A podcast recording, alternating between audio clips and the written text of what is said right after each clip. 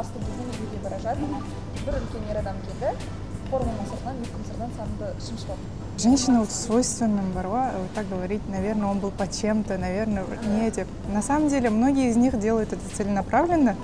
Никакой, не в состоянии аффекта, такого ничего обычно не бывает. қасыма осылай жақындап келді де Мгм. бетімнен сүйе бастады Айнаш, э, вот у тебя грудь выросла, что ты не носишь бюстгальтер? Ты- қыздың Ой, это любимое занятие. да.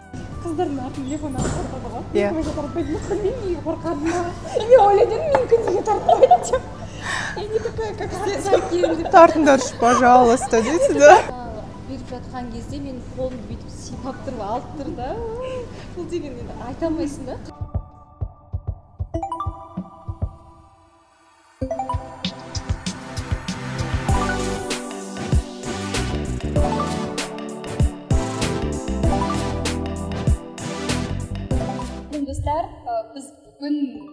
көптен күткен ә, бірнеше уақыттан бері айтып жүрген ә, подкастты бастаймыз. Алдымен қыздарды таныстырайық. Ә, менің жанымда әйгерім Ә, әйгерім бізде актриса. Ә, осы салада бірнеше жыл жұмыс жасап келеді Ә, біздің тұрақты жүргізушілеріміздің бірі. Өзің туралы қосарың бар ма әйгерім жоқ осы жарай ма уақытта білетін боласыз. Аша бересің жан жағыңнан Ә, бәріне сәлем менің есімім мөлдір. Ә, мен қоғаммен байланыс саласында бұқаралық ақпараттар құралдарымен байланыс саласында жұмыс істеймін. Ә, рахмет рахмет. Енді не де жақсы көресің. Жеке уақытында немен айналысасың? Мен әлеуметтік желіні өте қатты жақсы көремін. Өте қатты жақсы көремін. Менің хоббиім ә, жұмысыма айналып кеткен хоббиім десем болады. Ә, сондықтан да ойды ашық айту пікір алмасу мен үшін сүйікті істің бірі бізде айнаш екі тілде сөйлейді әсіресе орысша көп сөйлейді Иә, так что не обижаемся, друзья. Ә, Достар сәлем, менің есімім Айнаш болады. Мен қоғам проектісінің мүшесімін.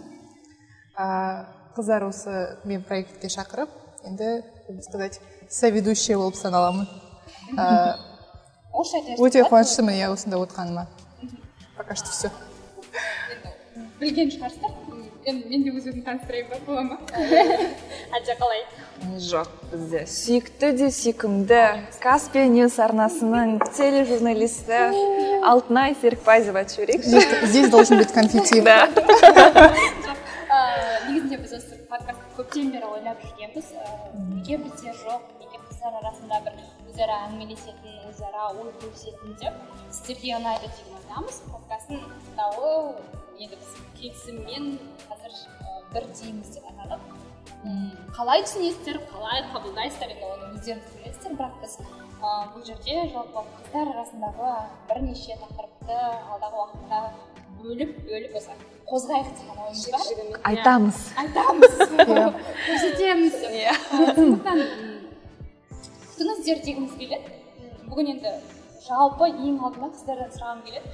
Қыздар жеке шекара сіздер үшін. Не? Болмаса жеке шекараларыңызды қалай қорғайсыздар.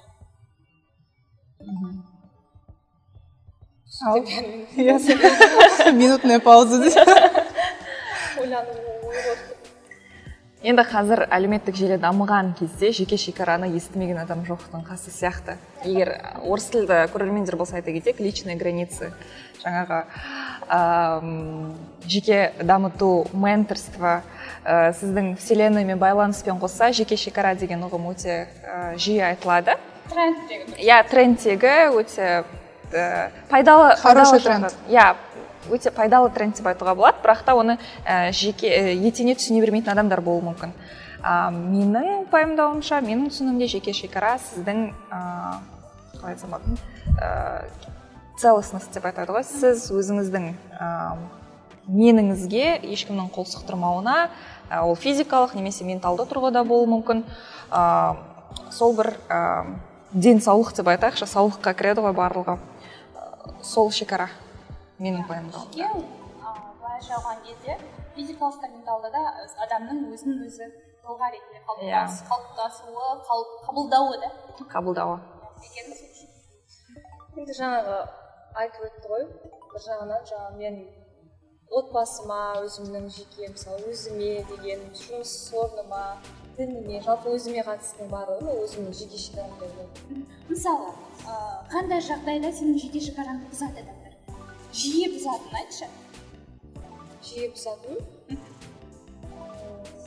ондай кезде көп болады енді бір есіңе түскен есіме түскен кезі біздің қоғамда ол непроизвольно происходящая вещь негізінде Есі кейде тіпті иә соған тіпті кейде мән бермей де қаласың негізі Иә. солай болу керек Привычная сияқты вещь мысалы енді идентификация жасау қиын ғой. Иә. өйткені сен нақты не екенін білмей қалсаң ендені кітаптан оқу арқылы ғана түсініп а оказывается сол кезде менің жеке шекарама кіріп кеткен екен ғой ол кісі деп ойлауың моменты мүмкін. такие вспоминаешь иә иә иә бірақ ол ең үлкен жеке шекараға кіру ол ә, сенің манағыдай ә, күйеуге шықпайсың ба тіркесінен сұрайды иә, таксисттер прям менде болады біз қазір сіздер 25 көретін ке тақырыптан бүйтіп фук деп ауы- ауытқып жатқан шығар. Проблема 21 плюс дейсің.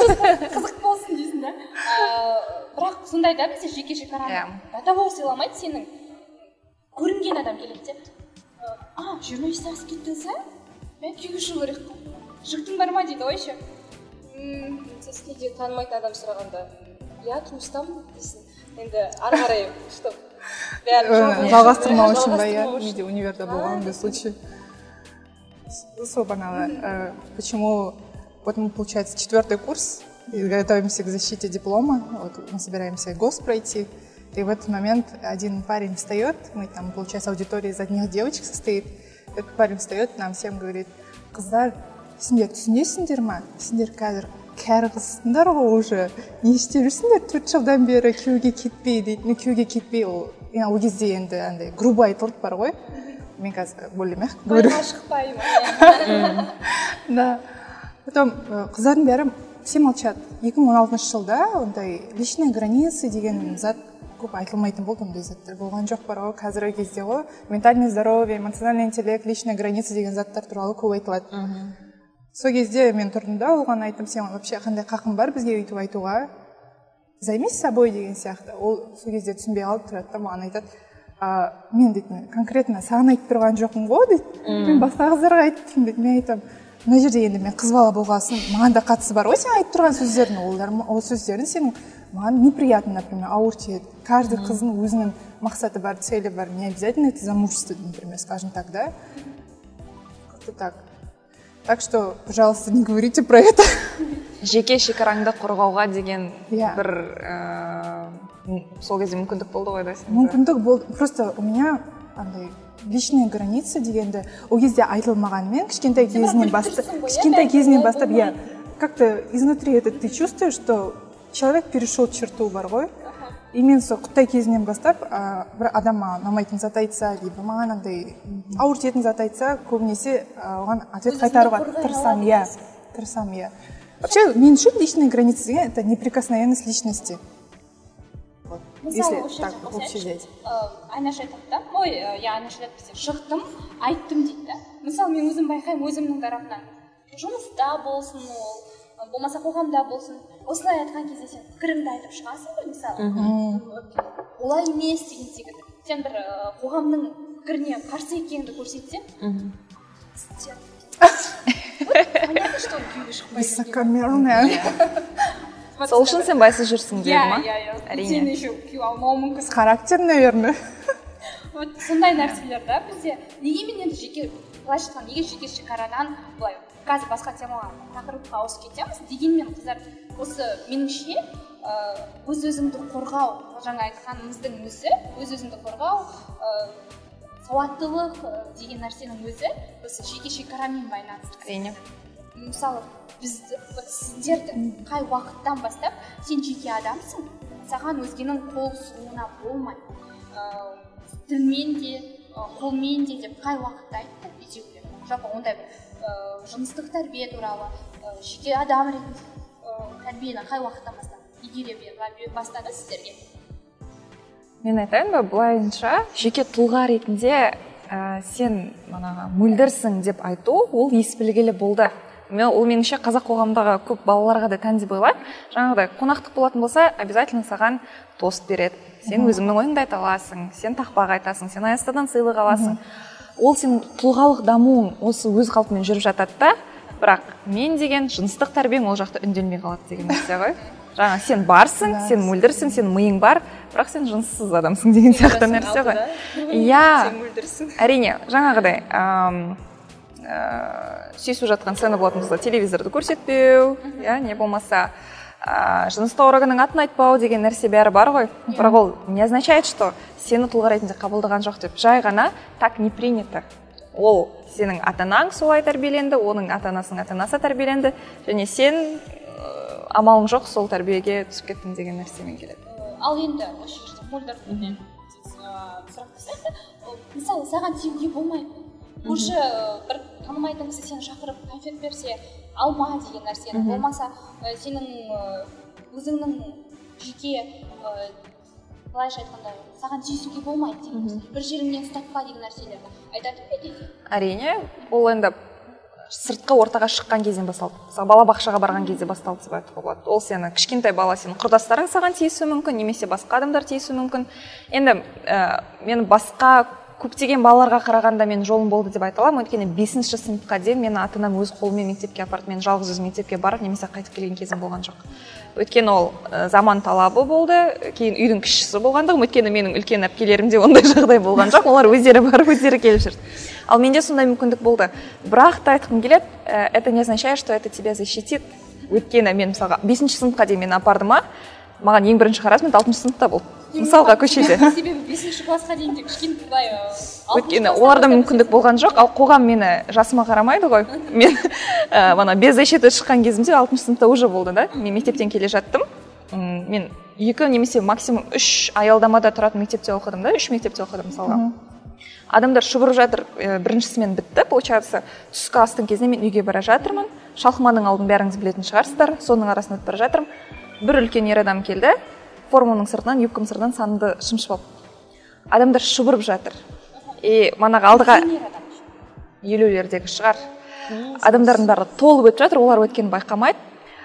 Ә, айнаш манағы айтып кеткен нәрсе оцепенение. Иә. Сен қатып қаласың сен құлағың шуылдап жатады сен терлейсің сен сөйлей алмайсың. Ал ол ер адам сол күйі шымшыған күйі маған қарап тұр көшеде. Біз екеуміз осылайынан тұрмыз да. Мен кішкентаймын алтыншы сыныпта оқимын. Жүрегімді қолыма алдым да зырылдап жүгіріп өйтіп бара жатырмын. Ана кісі тұр маған вслед смотрит да мысалға и одан кейін мәз болып в том то дело мәз болып. Өйткені оған нормально ә, былай былап қарасаң ә, жұмысымен шұбырып кетіп бара жатқан адамға не деп те айтасың да? Мысалы мына кісі шымшып алды ол жоқ мен шымшыған жоқпын қолым тиіп кетті деуі мүмкін сен оның бәрін прокручиваешь в голове. Кейін солайынан қалды. И айтқым келетін сол ә, көшедегі мана сенің жеке шекараңа ә, қол сұғатын адамдар ол сені тәрбиелемеді дегенді білдірмеуі мүмкін да отбасында айтылуы мүмкін сен жеке тұлға екеніңді де өсіруі мүмкін. Бірақ шындық басқаша. Өмір өтіп жатыр мына беске дейін мені қорғады алтыншы сыныпта уже менде уже болды да сондай попытка.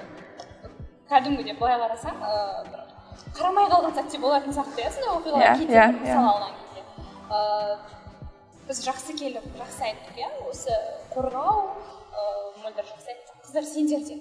Қай уақытта ең бірінші тікелей расында тікелей кездестіңдер біз енді жаңағы кішкентай кезімізден бастап айтты деп айта алмаймын ол енді бір бір тіл сияқты ғой мысалы тілді біз отырып алып үйретпейді бізге анамыз мысалы әрине мынау былай мынау деген мынау мысалы стакан деген мынау кесе деп айтасың деген сияқты біз ести естіп көріп көріп сосын үйреніп содан кейін барып сөйлейміз да? Бірақ мен өзім өз басым бұны енді ешкім білмейді эксклюзив. Ол кішкентай кезімде бір төрт бес жасымда болды ау деймін бір ер адам всегда үйге келетін. Ол кісі енді андай жұмысшы ретінде ма мен өзім есімімді толықтай білмеймін. Төрт бес жас қой енді?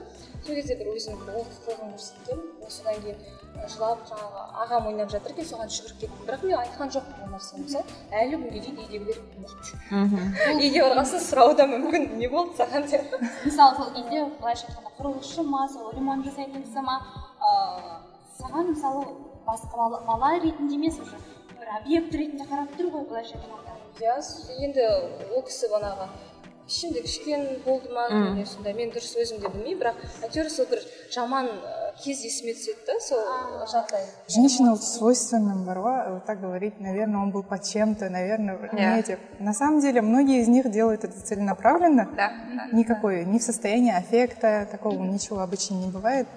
Они, да, ку- көбінде тауып отырады ғой например ұстап жатқанда сол преступниктары которые посягнули на чью-то личность Соңында психологическая экспертиза не жүргізгенде психическое состояниесін выясняется что они полно уравновешенные люди ешқандай отклонениесі жоқ және одан кейін мен үйде қорқатынмын шынымен келіп қала ма? Ы, келмесе екен енді деп сондай ал одан кейін де келіп жүрді одан кейін мен көрмеген сияқты бірақ сол кезде сені құдай сақтады ғой егер де ағаң сол жерде ойнап жатпаған болса мүмкін ағамның атын айтып мен жүгіріп қасына барғанмын өзім қатты қорқып кеттім есімде бірақ түсініңіз андай бір мысалы кейде болады ғой балалар түсінбейді да не болып иә. Жатқанын а сен түсініп тұрсың да мен уже түсініп қалдым иә ол кісінің басқаша ойы бар екен. Сосын бірден қашып кеттім. И все-таки наверное это генетическая память дейді ғой сондай бір зат болар.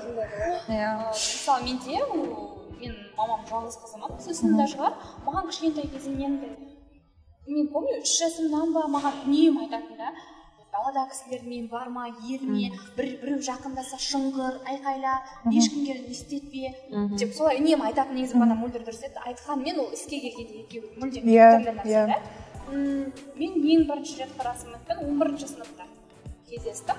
Бұл да шок контент дейді өйткені ешқашан еш жерде айтпағанмын былай тікелей. Мен бе кәдімгі біздің ағайымыз бар сабақ береді бізге актерлық шеберліктен мен мындай дарынды балаларға арналған мектепте оқыдым ол кісі қазір жер басып жүр және осы атырауда тұрады аты жөнін айтпайын жарайды қанша дегенмен ортасында сыйлы кісі иә деші ортасында сыйлы кісі ғой енді режим ксении собчак включать етіп сұраймын ба аты жөнін сонда такая допытываться етіп сосын сабақта болды сосын оның алдында біздің сыныптас балаларымыз айтатын «А, ағай қыз біздің класстың қыздарына басқаша қарайды деп. Бүйіріне қарайды кеудесіне қарайды деп. И мен ондай да, на- назарыңа алмайсың мен бір көркем сөз оқуларын дайындап жүрмін де неге? Бардым.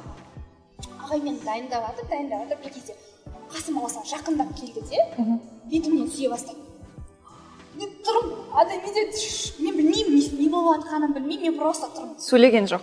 Сөйлеймін а бірінші маған өлеңді осылай оқы кеудеңді көтер мойныңды көтер деп айтты дауысыңды шығар. Мен істеп жатырмын соның бәрін. Ағай мен қолыммен бүйтіп мойнымды иығымды ұстап жатыр да. И бір кезде барды. Да мойным бетімнен сүйе бастады сосын мен тұрып қалдым. Сосын и помню что көзімнен жас ағып жатыр ой ужас. Сосын мен тұрдым сен неге жылап жатрсың деп шығып келейінші дедім сумкамды алдым кетіп қалдым. И мен помню қыздар андай болады ғой как будто мен ә, кінәлі сияқты әрине кітапхананың қасына барып жылап тұрғанымды білемін еңіреп жылап жатырмын бәрі келіп сұрайды оқушылар не болды не болды? дейді бір жерің ауырып тұр ма? дейді иә ауырып тұр мектептің ішінде болып жатыр мектептің ғой. ішінде. Прям класстың ішінде болып тұр. Екінші екінші этажда екінші қабатта. Помню мен әлі қыздар сен айтып кеттің ғой бағана қыздар естіп жүрді айтып жүрді деп осы Ұлдар айтып жүрді. ұл балдар айтып жүрді деп сонда неужели ешқандай педагогический составқа осындай адам бар екені жеткен жоқ хотя бы слух болса да да? Ол жағын білмеймін. Мүмкін олар расымен естіген де шығар білмеймін. Бірақ мен ә, сол жерден жыладым. Сосын шықтым үйге бардым. Бір бір қуанатын жағдай ол мен соны мамаға айттым. Бірден ағай мені осылай бетімнен сүйді менің денемді ұстады деп. Ә, бірден мама сразу деп кеттік деп мен мен жалынып жатырмын да типа керек емес мен ол кезде сауатты емеспін ол кішкентаймын подросткпын ғой жасөспіріммін мен жалынып жатырмын маған күледі бәрі оны класс білмесінші айтпайықшы мама айтады да мен қазір пресс- пресс-служба шақырамын бәрін шақырамын шығартамын оны жұмыстан ол мынау дейтін болмайды мынау заңсыздық деп жатыр и мен мен дірілдеп жатырмын айтпа айтпа мен қорқамын мен ұяламын айтпа содан не істедік мама жарайды онда хотя бы жұмыстан шығартайық деп директорге телефон соқты директор сол күні оны жұмыстан шығарып жіберді және айтты бұл қорқып тұр ы, ұялып тұр көпшіліктің арасында бұл белгілі болмас деп. Әрине ол бірақ та барлық мұғалімге жетті. Енді қазір енді маған нормально ол басшылық арқылы ғой иә. Келесі сол саған аянышты көзбен қарады буллинг басталған жоқ па аянышты көзбен қараса жақсы ғой түсіндім ол жерде андай болған шығар бір кейбір біздің любимый коллегамызды шығарып жіберді жоқ өзі шығарды. Өзі шығарды. Кстати да. білмеймін. Ғой мүмкін ондай да болған шығар бірақ сол мұғалім мектептен шықты және мұғалімге менің мамам телефон соқты.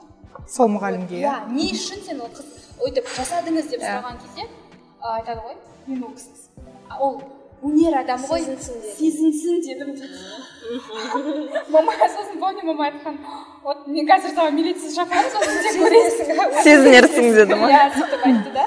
Именно әлі күнге сол үшін мамама былайша айтқанда анама ризамын да. Әрине. и мені жақтағаны үшін а қазір мен естимін что қаншама адам жақтамаған Иә. қызына сенбеген қызын ұрған мұндай да жағдайлар өмірде өте көп. Өте көп иә. Осы тұрғыда есіме түсіп отыр документальный фильм көргенбіз шада гимнасткалар. Бір үлкен тренер туралы ма? Иә тренер иә. туралы. Доктор есімін ұмытып қалып тұрмын.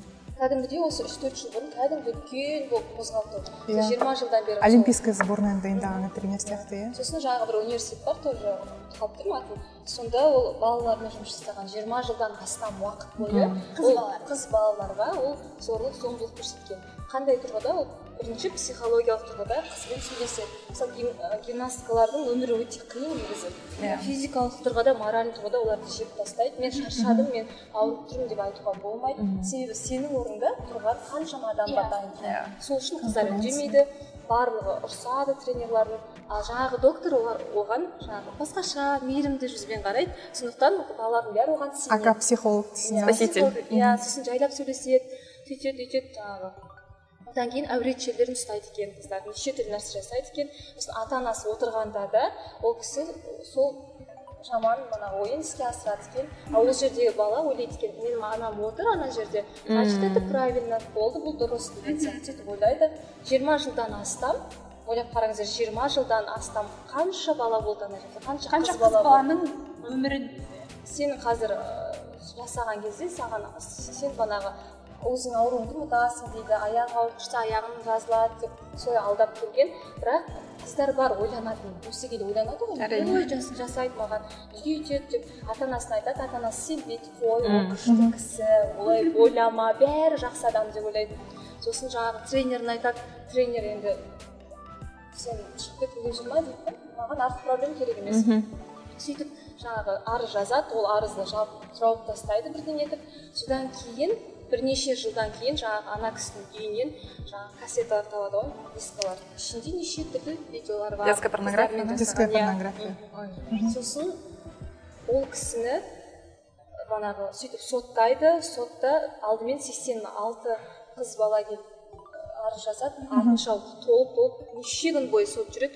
жүз елу алты қыздай келеді. Оның ішінде олимпийский чемпиондар да бар қыздар келіп мойындап айтады. Ол оңай емес дейді Әрине. айту. Бәрінің көзінше пресса қырғын елден келіп тұр шулап жатыр. Сол жерде қыздар бәрін айтады. Осылай болды осылай болды и бір қызығы жаңағы доктор ол өзінің кінәсін түсініп тұрған жоқ. Ол андай етіп жазған да қыздар ол типа берілмеді өздері деген сияқты. Қаламаған қыздардың бұл жылданар несі деген сияқты сосын сот алады да мен сізге жүз жетпіс бес жыл соттаймын деп. жүз жетпіс бес жыл деген ол өмірінің соңына дейін. иә. Бұл жерде енді бұл психология психологиялық ауру ғой ол кісіге иә.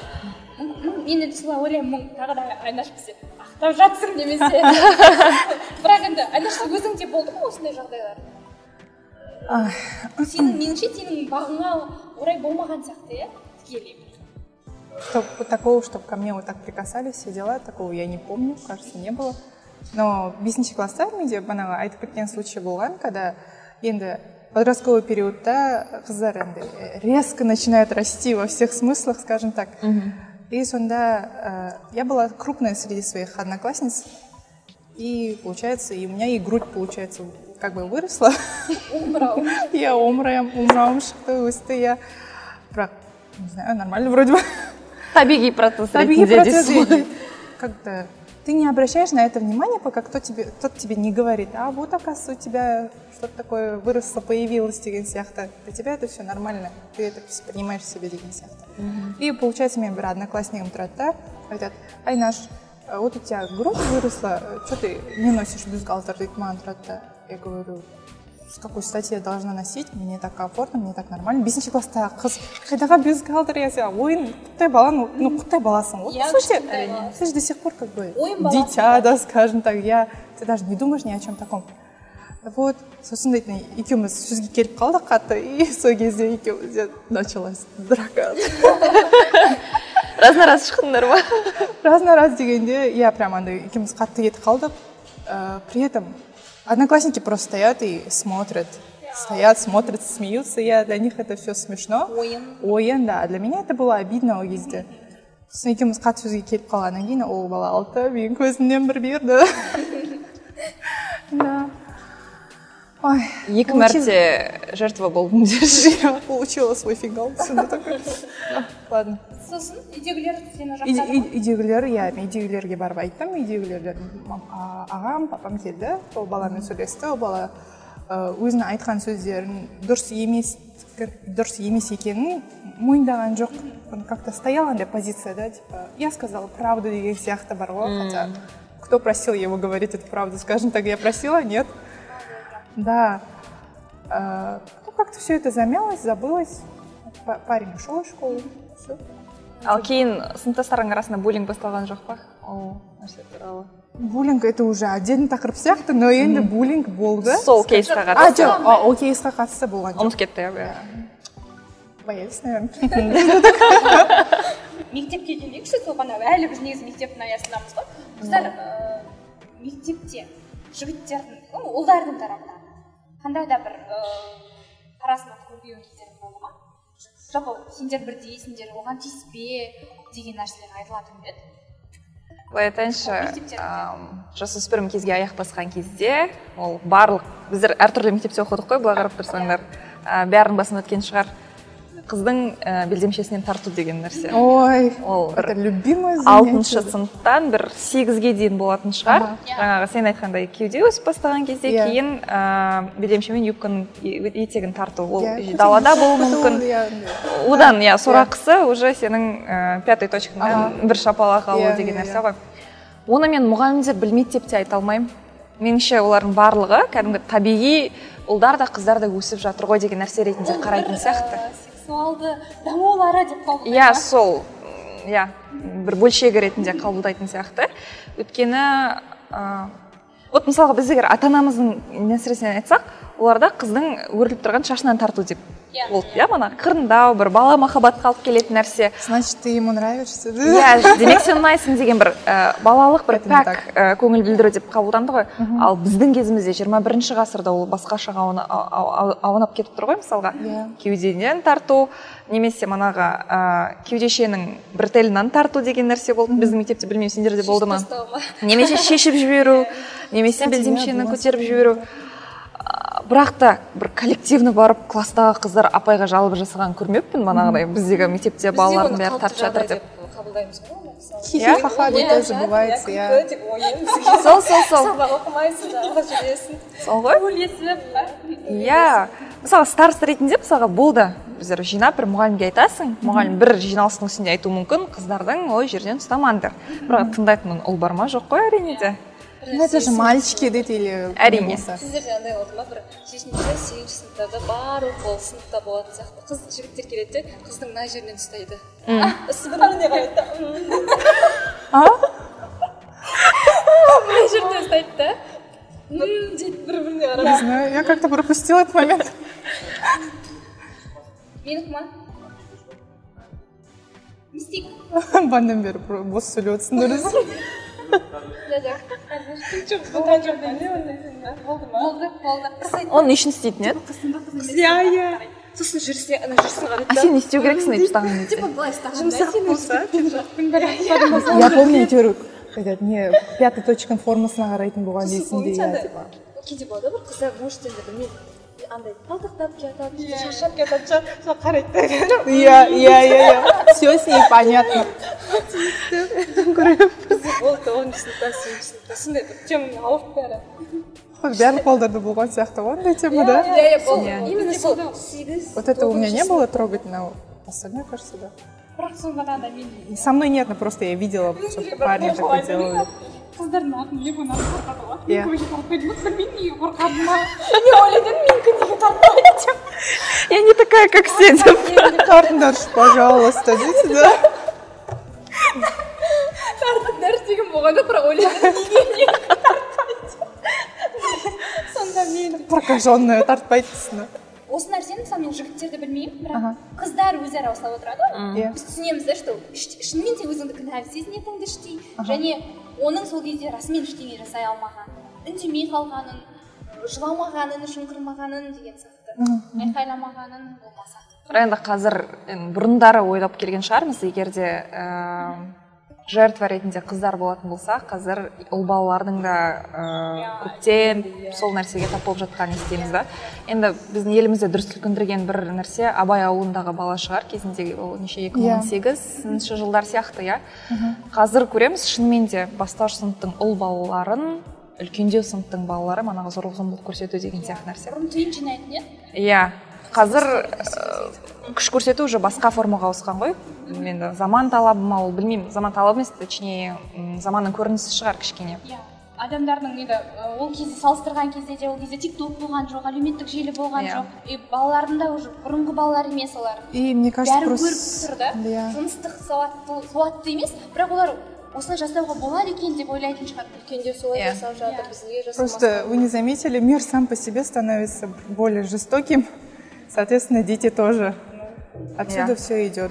бірақ менің енді қуанарлық жағдай манағы сол ұл балалардың кейстарын біздер біліп жатқандығымыз. Иә. мысалға қанша сол жастағы да. кішкентай қыздарды біз білмейміз. Өйткені олар тек бір 25 немесе тұрмысқа шыққаннан кейін ғана ол жағдай туралы айта алады. Когда ол адамдардың уже сүйегі шіріп біткен ешкім оларды жазалай алмайтын кезде.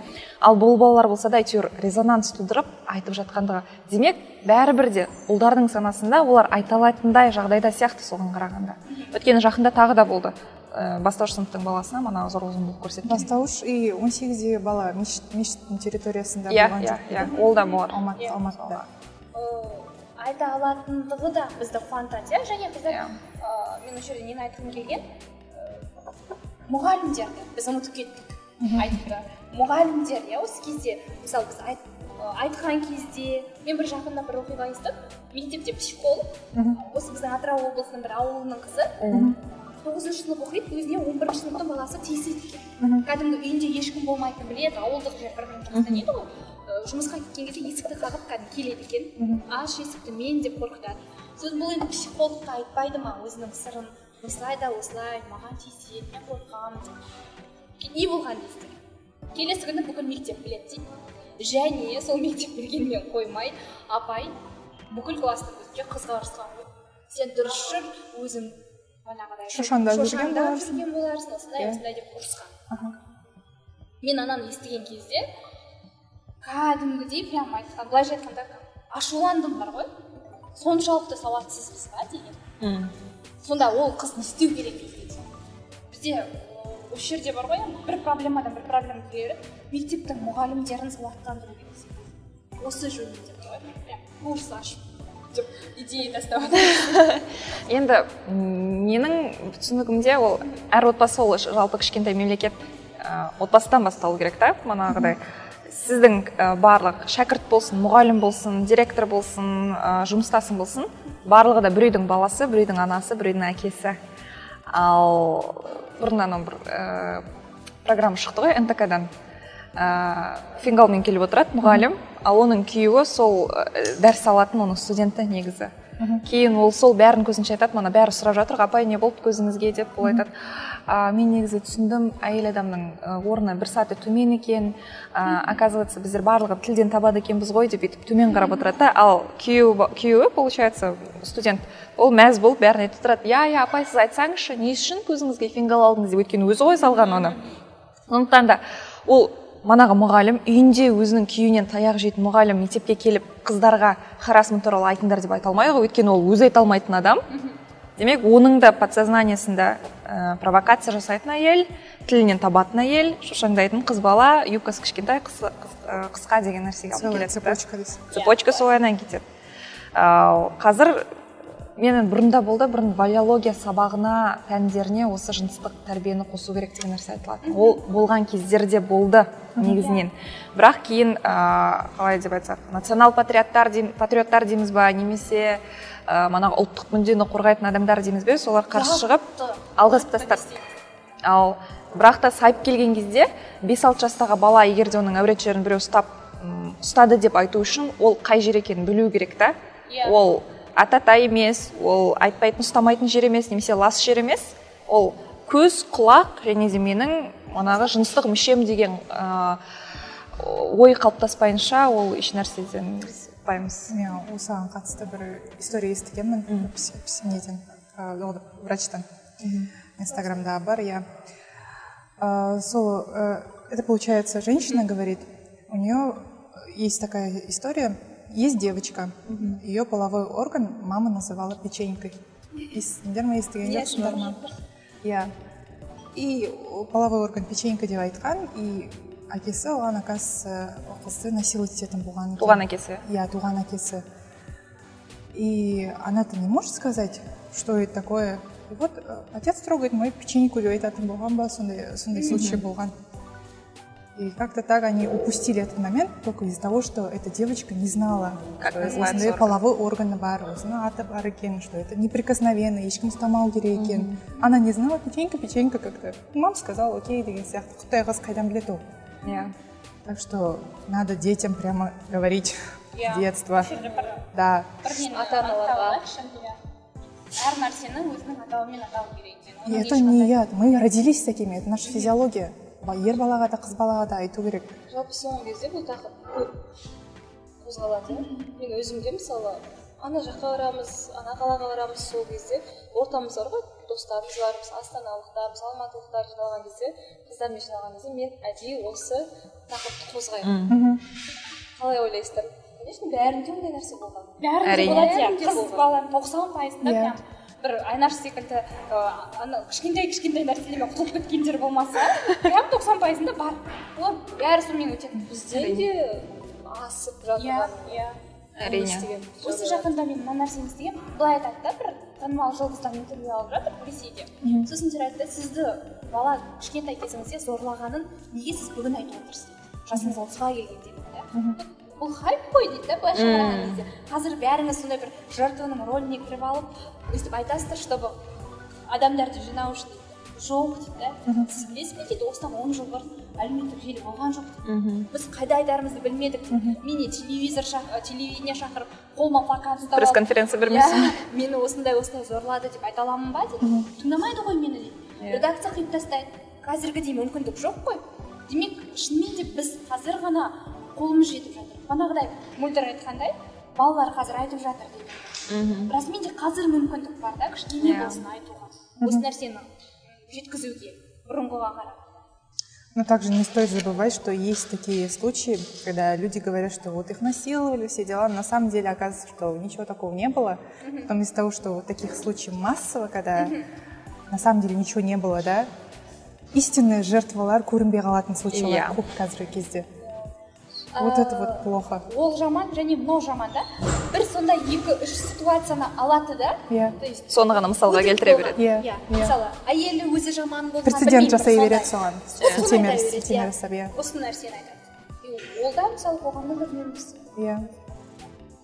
картинка көрдім да мем картинка ыыы, айтады да мен таксистпен сөйлесіп отырамын дейді күлкілі емес әзілдеріне күліп Что он только не забрал меня, не Иә. расчленил, не убил, дейді ма? иә иә бір жаққа иә. кетпеу үшін расымен ғой. Әрине. мен постоянно таксиге мінгенде түрі қорқынышты адам болса және өзім түнде мінсем Ага. сразу типа қай жақтан сіз? Атыңыз кім? бастаймын да әңгімені. Қайтадан адаммен сөйлескім келмейді ол кісімен. Қазіргі уақытта мысалы енді яндекс шықты солай Иә, иә. барасың бірақ дегенмен бір андай андай жағдайда мініп қалғанда өте қатты Ну, много случаев, когда Яндекс такси таксисттері тоже совершали сен сұрап керісінше сөйлеседі екенсің иә? Бірақ менің солай сөйлесуімді ә, менің жырбақайлығым деп түсіндірген маған бір адам болды. Ол айтады сен таксиге отырсаң өзің демек сөйлескің келетін болып тұр ғой ол таксистпен демек сен провокация жасап тұрсың ғой ол, ол кісі сен танысқысы келіп отыр деп ойлауы мүмкін ғой деді да. Ал көрдіңіз ба біздің ә, түсініктеріміздің айырмашылығы деп айтайыншы. Ә, дұрыс айтасың мына біздер яндекспен ә, мысалға мына диди дейін деп жатырмын. Ә, яндекс такси кейін индрайверлар шықты да. Ойлайсың ғой ә, қауіпсіз сенің местоположениең көрініп тұрады Иә. история заказа тұрады барлығы бар бірақ та мына анонизммен айналысатын таксисттер басқа жаққа алып кетіп мына шынымен де бөлшектеп тастайтын таксисттер немесе жай ғана саған сөзбен менталды түрде саған харасмент көрсететін таксисттер қаншама. Ол мектеп кезінен басталады ғой өйткені. А, жаңағыдай қарындас жасыңыз нешеде деп сен он екіде екенің көрініп тұр да түріңнен. Бірақ саған қарындас жасың нешеде деп сұрайды ғой сенен ол жерде атаңды ядым атаңдай. Сол кезде сен ол кісі ұялмайды сен ұяласың ғой. Әрине. өзіңді кінәлі сезінесің. Даже қазір просто таксия отырасың и там. Әкеммен қатар кісі одан да үлкен кісі отырады иә сосын сенімен прям андай флиртовать етіп сөйлесіп отырады ғой мне так плохо становится мне так не знаю неловко. Просто ты блин как мой отец по возрасту даже старше намного. иә ол да біреудің әкесі онда явно қызы баласы бар кісі неужели они не могут включить свой мозг? Кейін ең бірінші признак деп айтайыншы мысалға өзіңнен екі үш жас үлкен адам сөйтіп сөйлеген кезде саған ол қызым деп сөйлеу керек та бірақ ол Иә. саған қарындас деп сөйлеген кезде иә. уже подмена понятия жүріп жатыр деген сөз да бірінші сигнал қарындас? қайдағы қарындас это какая женщина должна быть чтобы вот такая разница в возрасте была мен даже интервьюге қорқып жігіттің суретін қойып сосын атымды жігіттің атымен өзгертіп қойғанмын. Енді қабылдағанда бірден жігіт деп ойлап қабылдасын деп. Енді басқа ойы жоқ мысалы. Ойы болса ол қызды қызды Иә. қарайды ғой. Иә, иә. әдемі қызды Аватар таңдайды қарайды. еще иә. Сосын мен әдейі жігіт қоямын звондаңыз ассалаумағалейкум дейді ғой. Иә. Сәлеметсің деп ай ай ай деп сөйтіп не істейді Аха. енді бұл да бір қорғаныстың түрі деп өзімше ойлаймын енді. Әрине. Менде таксиде бір случай болған бір жағдай. Университетте оқып жүргенде енді жүз теңгеден жиналып барамыз. Қасымда бірнеше адам отыр. Сөйтіп жаңағы қарап отырмын ол кісі орташа жастағы кісі. Айнадан бүйтіп қарай береді маған. Енді оны сезеді ғой әр қыз Иә. сосын ол кісі қарамай өтірік ойын тыңдап жаңағы отырып сосын бір мезгілде қарындас сіз ақша бере аласыз ба? деді сосын жаңағы беріп жатқан кезде менің қолымды бүйтіп сипап тұрып алып тұр да. Ол деген енді айта алмайсың да қасымда оның қасында үш адам отыр. Ол кісі типа мән беріп те отырған жоқ. Мен ана жерде тұрып не қолымды сипайсың деген ғой. Ол айтуы мүмкін ол тиіп кетті қарындас. Жынсың ба деп Иә. өзіңе жауап тастауы мүмкін ғой. газлайтинг үйге барып мочалкамен жудың ба қолыңды бөлек шығарып қойды менің қолым проветривать етіп дейсің ба бізге қазір күлкі ғой былай қарасаң. Қандай урон? күлкілі болған жоқ қатты ашуланып намыстанып жаңағы неше түрлі жылағым келіп просто согласитесь қыздар каждый раз таксия отырғанда мы садимся с опаской. Это Иә. факт. Иә бізде анау молдияр деген ағай бар ғой фейсбукта. Ергебеков ергебек сол кісінің маған бір айтқан қатты сөзі ұнады. Біреуді басына түскен жағдай дейді сенің де басыңа түседі дейді мысалы адамның күні адаммен емес мысалы айтайық әйгерімді күйеуі ұрып жатыр. Сен қарап отырма дейді да? Э, әйгерім тұрып жатыр ғой мен емес өздерінің арасы деп. Кіріс өйткені оның басындағы жағдай сенің де басыңа келуі мүмкін. Түсіністікпен қара деген. Да. У наших женщин бәріне демей ақ қояйын но есть такой распространенный случай бастарына сразу сияқты эпизодқа тығып алады да. Если со мной этого не происходит значит этого нет деген ұғыммен өмір сүретіндер бар. бірақ просто женщины если с вами такого не происходит это не значит что этого нет это есть иә и қыздар бір бірін қолдау керек когда мы наконец-то дойдем до такого, чтобы мы все друг друга поддерживали. Это, Солидарность. это круто. Вы же видите, как мужчины друг друга поддерживают? У них О, прям смотри, мужская я солидарность родной, просто. У них, да, просто на таком левеле просто. жалпы ұлтымыз біздің ұлдарды қатты бағалайды иә иә кездестір ғой иә әрине даже кейде үлкен апайлар болады мысалы мен естідім менің апайым дейді ұстазымыз ұлдарды қатты жақсы көреді қыздарға тиісе береді дейді. Сексист апайлар бар ондай. деп сөз айтады. Ғой «Иә, ұстап жүр бірдеңе сен бірдеңе деп айтады да ал ұлдар басқаша қарайды. Ұлдар мысалы кешігіп қалса оларға кешіреді ал біз кешігіп қалсақ сол үшін кәдімгідей ол кісінің алдында кінәлі боламыз. Мысалы мысалы қазіргі қоғамда енді ашық қоғам ғой иә бізде. Айтуға оңай өзім университет бітіріп кеттім да мысалы. Дегенмен қазіргі уақытта қыздар коллективный топ болып жиналып сол апайдың үстінен арыз жазу керек та бірақ осы арыз жазған кезде ол қаншалықты қаралады университет тарапынан деген сияқты нәрсе ғой иә. Сен өзіңе кері айналып келеді бумеранг болып қараңыз университетте сіз оқып жатырсыз сіз екінші бірінші курста сіз үндей алмайсыз. Енді себебі енді бірінші курс ол Диплом алу керек қой дейсің. иә. Одан кейін сіз өзіңіз оқып жүріп мысалы сіз барып айта алмайсыз ғой менің ұстазым мынандай деп. Себебі сіз оқудан шығып кетуі мүмкінсіз ал сенің осы күнге дейін төлеп келген ақшаң қайда уақытың қайда келіп кетеді сол үшін мысалы жүрмеуі де мүмкін ғой көбі біз бүгін әр нәрсенің басын бір шолдық қой былай былай былай.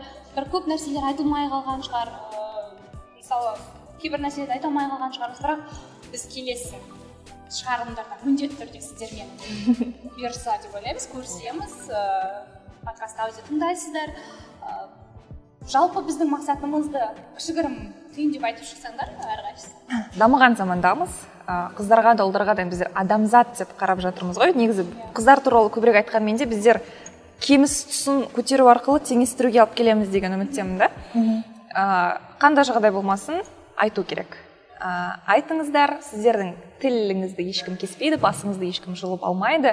Ә, біздер сол сенімділікке қол жеткізгенде қана ә, мемлекет те бізге құлақ асатын болады адамдар да білетін болады. Ә, бір бірімізді сыйлау арқылы адам ретінде қабылдау арқылы ә, мақсатымызға жетейік. Ең бастысы қорықпаңыздар. Өздеріңіздің тұлға екендеріңізді сезініңіздер. Осы өмірде өздеріңіздің орындарыңыздың бар екенін жоғары екенін түсініңіздер осы. Енді иә қорықпен түсінемін иә? Қорқынышты және біз патриархалдық қоғамда өмір сүреміз. Біздің ойымызға ең бірінші келетін нәрсе ол менен өзімнен бар деп айтатын нәрсе иә? Мен мысалы өзім де таксиге мінген кезде егер де мен клубтан шықсам көңіл көтеріп келе жатырсам бірден ол таксист тиісетін болса менің ойыма келетін ой. Менен көреді ғой деген маған сенбейді ғой адамдар менің таза екеніме менің оған ешқандай флирт яғни бір жаман ойым болмағанын деген секілді иә артық ойым болмағанын бірақ ы, адамдар бар. Қоғам сәл болсын дамып келе жатыр. Сондықтан ы, осындай жағдайды көрсеңіздер. Біреудің біреудің автобуста аялдамада ы, әурет жерінен ұстап тұрғанын білмеймін. Жамбасынан омырауынан тағы басқа қандай жаман көзқараспен қарағанын әлде болмасын қыздардың бір болмасын ұлдардың тіпті. Қандай да бір зорлыққа ұшырауға мүмкіндігі бар екенін ұшырағаным болса басқа бір ойға салынбай таза адам ретінде оның қыз ұл емес адам екенін көріп қолдаңыздар деп айтқым келеді. Және Қорғаңыздар. иә айтыңыздар. Жай ғана қарындасың болған үшін емес апаң болған үшін адам болған үшін. Ә, және тағы бір нәрсе ол біздің подкастты Я от себя добавлю, чтобы и девочки, девушки, вообще женщины, мужчины, мальчики, все э, слушали свой внутренний голос. Если вы чувствуете какую-то опасность, как правило, природа так заложена, интуиция нам всегда об этом говорит. Но мы почему-то этот голос внутри всегда глушим как-то и не прислушиваемся. Я хочу сказать, чтобы вы прислушивались всегда к своему внутреннему голосу. Если вы чувствуете опасность, уходите из этого места. Если вы хотите сказать «нет», говорите «нет». Пожалуйста, научитесь говорить «нет». Перв- ну, для некоторых девушек вообще, вообще для некоторых людей говорить «нет» может быть сложно. Но это возможно.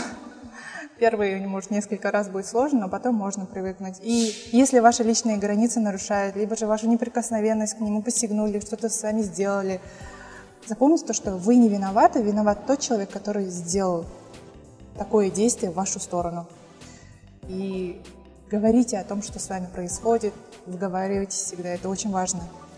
Вот. Ә, рахмет бізбен бірге болғандарыңызға келесі шығарылымды күтіңіздер і, лүпіл басыңыздар